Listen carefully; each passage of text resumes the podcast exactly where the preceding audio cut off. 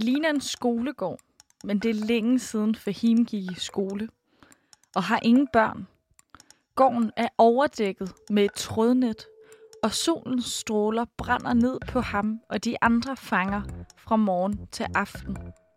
De forsøger at binde et stykke tøj til trådnettet, så de kan få bare en lille bitte smule skygge. Deres hud føles, som om den smelter på grund af solskoldningen. Der er fluer og myg, og de har vabler over det hele. Når de ikke sidder i den uhumske gård, bliver Fahim og de andre fanger tortureret og tæsket med knibler og geværkolber. De bliver spærret inde i en celle uden mad og drikke, og uden muligheden for at komme på toilettet. Fahim kan ikke gå på sit ene ben på grund af smerter fra tæskene, han har fået i fængslet. Og vagterne nægter at give ham smertestillende. Han får tæsk igen og igen, for dødstrusler, ydmygende kropsvisitationer og bliver tvunget til at være nøgen.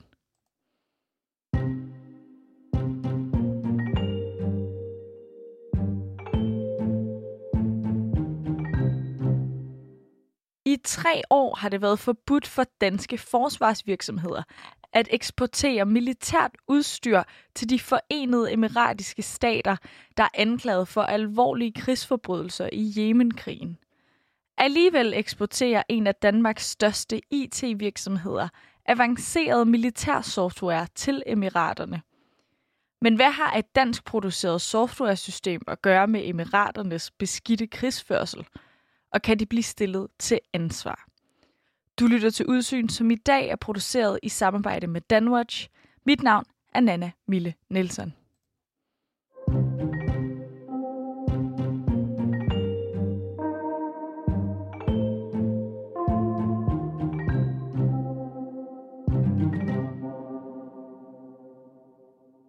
يعني كان الإماراتيين عرونا عدة مرات داخل سجن بئر أحمد وعروا السجناء فردا فردا de emiratiske mænd strippede os flere gange i fængslet Bær Ahmed.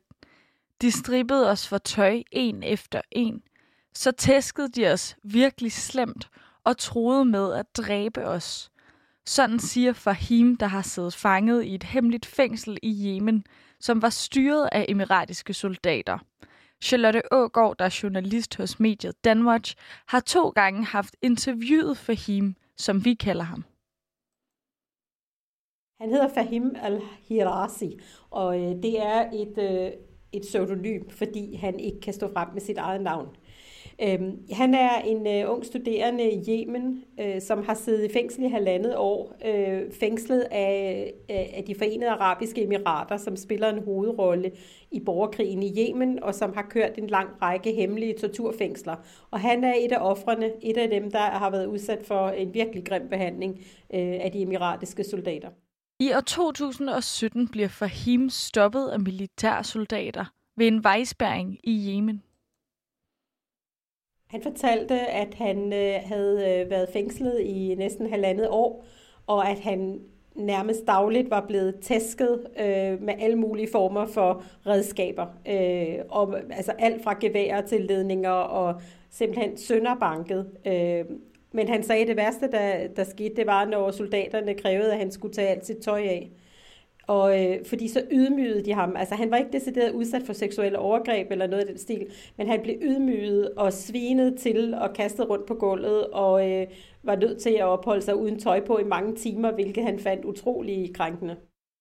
I næsten halvandet år blev Fahim holdt fanget i en af Jemens hemmelige fængsler af emiratiske fangevogtere og soldater fra Security Belt Forces, som er en lokal jemenitisk militis, som er oprettet, trænet og kontrolleret af emiraterne som led i krigen mod landets Houthi-oprørere. Fahim kunne se og høre, at de ikke kom fra Yemen. Det siger han, det kunne han se på deres øh, uniform, især på deres kasketter, øh, hvor, hvor der stod et emiratisk flag på. Derudover så kunne han også øh, genkende deres dialekt. Altså i de arabiske lande taler man jo ikke den samme dialekt i alle landene, så han kunne tydeligt høre, at de kom fra emiraterne. Mere end 10.000 unge jemenitiske mænd har de seneste år været holdt fanget på militærbaser og i hemmelige fangekældre i Yemen uden nogensinde at komme for en dommer eller blive dømt for noget som helst. For Him ved heller ikke, hvorfor han blev anholdt. Ja, det ved han faktisk ikke. Altså, øh, de kom ligesom med en ny anklage hver eneste dag og beskyldte ham for at være med i den ene og den anden væbnede gruppering i øh, Yemen, hvilket han aldrig har været. Øh, og øh, altså, da han efter halvandet år pludselig blev løsladt, så var det også uden nogen form for øh, anklage eller forklaring. Han har aldrig været øh, hævet i retten eller for en dommer eller, eller blevet præsenteret for nogen form for konkret anklage, så det ved han faktisk ikke. I samarbejde med TV2 og det internationale research center Lighthouse Reports har Charlotte Ågård og Danwatch optravlet en forbindelse mellem den aarhusianske IT-virksomhed Systematic og krigsforbrydelser i Yemen. Fahims oplevelser og de hemmelige fængsler i Yemen trækker tråde hele vejen til Aarhus. Jamen det gør det, fordi han er en af rigtig mange ofre, der har været udsat for øh, krigsforbrydelser øh, eller grove menneskerettighedskrænkelser gennemført af de forenede arabiske emirater. Øhm, og Emiraterne er jo en hovedrig øh, golfstat, som er involveret i krigen i Yemen og har været det hele vejen øhm, øh, siden 2015. Øh, og det er samtidig et land, som øh, flere danske virksomheder eksporterer militært udstyr til. Og en af de virksomheder, øh, som eksporterer militært udstyr, det er en Aarhus virksomhed, der hedder Systematica.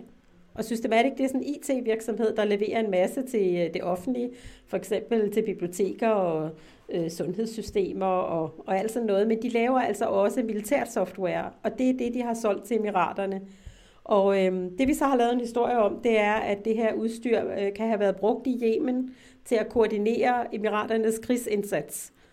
Det er et øh, software, som øh, gør, at soldaterne kan se, hvor øh, alle deres øh, enheder befinder sig, mens de er ude på slagmarken. De kan også øh, plotte ind, hvor fjenderne er, og de kan koordinere bombeangreb osv. Og det foregår alt sammen på sådan en lille bærbar skærm, man har med. De forenede arabiske emirater og deres lokale militær anklages af FN-eksperter og menneskeretsorganisationer for at have begået utallige overgreb og mulige krigsforbrydelser under den seks år lange krig i Yemen. Blandt andet er de beskyldt for at blokere nødhjælp til millioner og for at udføre flyveangreb på civile mål. Derfor har de danske politikere siden år 2018 forbudt danske virksomheder at eksportere til emiraternes militær. Alligevel har den danske virksomhed Systematic solgt militær software til emiraterne. Vi kan ikke bevise 100% at det er blevet brugt i Yemen. Øh, vi har forskellige militære eksperter, som siger, at det er meget sandsynligt. Især fordi, at øh, Emiraterne har haft rigtig mange herrestyrker i Yemen. Især har de haft deres specialoperationsstyrker, altså deres version af jægerkorpset, øh, udsendt til krigen i Yemen. Og de plejer altid at få det bedste udstyr og det mest moderne udstyr. Og det her, det er noget af det mest moderne, Emiraterne overhovedet har. Softwaresystemet er blevet eksporteret til Systematics datterselskab i Storbritannien, og derfra er det så solgt videre til Emiraterne. Herfra kan det så meget vel være blevet brugt i Yemen, hvor Emiraterne kæmper lige nu. Det fortæller flere eksperter til Danwatch, efter de har fremlagt deres dokumentation. Jamen, det er fordi, at øh, et hver form for militært udstyr er sådan set øh, det er forbudt at eksportere øh, al, form, al form for militær udstyr til Emiraterne for Danmark. Øh, det har den danske regering besluttet i øh, november 2018. Og det vi har kunne afsløre her, det er, at Systematic fortsætter sin eksport bare via øh, deres datterselskab i England. Og det er der jo så eksperter, som mener er en bevidst omgåelse af det danske eksportforbud.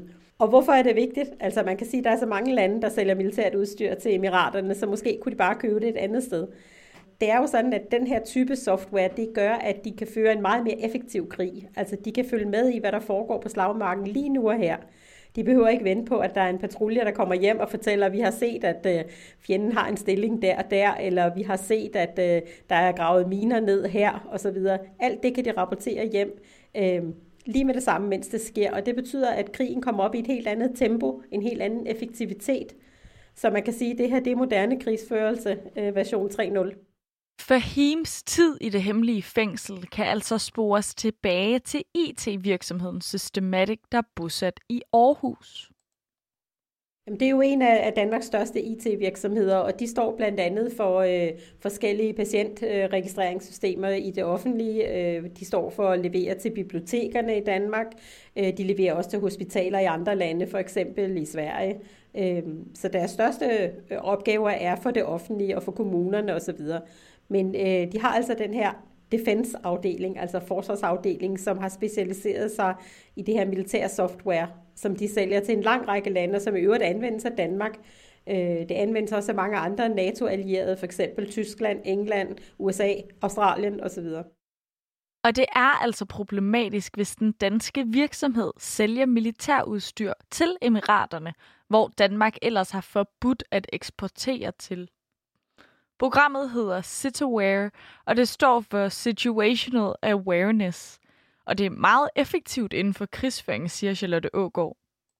Man ved ikke med, med sikkerhed, om det bliver brugt i Yemen, men som sagt, så er der flere øh, militære eksperter, som har forstand på Emiraternes forsvar, som siger, at det er meget sandsynligt, fordi at øh, de har netop haft brug for at kunne koordinere krigsindsatsen i Yemen.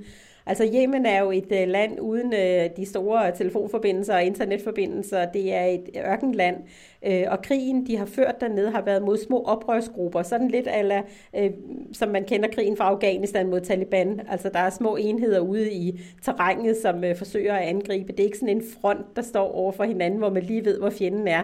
Man har brug for at have et overblik over, hvor er øh, de her enkelte enheder hen, hvor er ens egne styrker hen, så man ikke kommer til at skyde på dem. Øh, man har brug for at vide, hvor er flyene, hvor er kampvognene, hvor er de forskellige øh, både venner og fjender.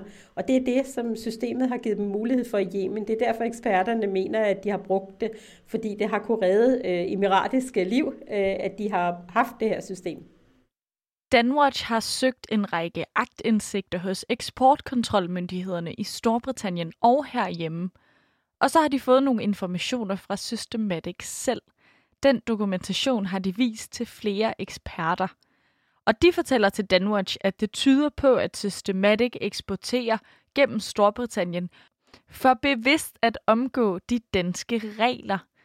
Og Charlotte Ågaard har da også forsøgt at få et interview med Systematic, men de har ikke ønsket at stille op.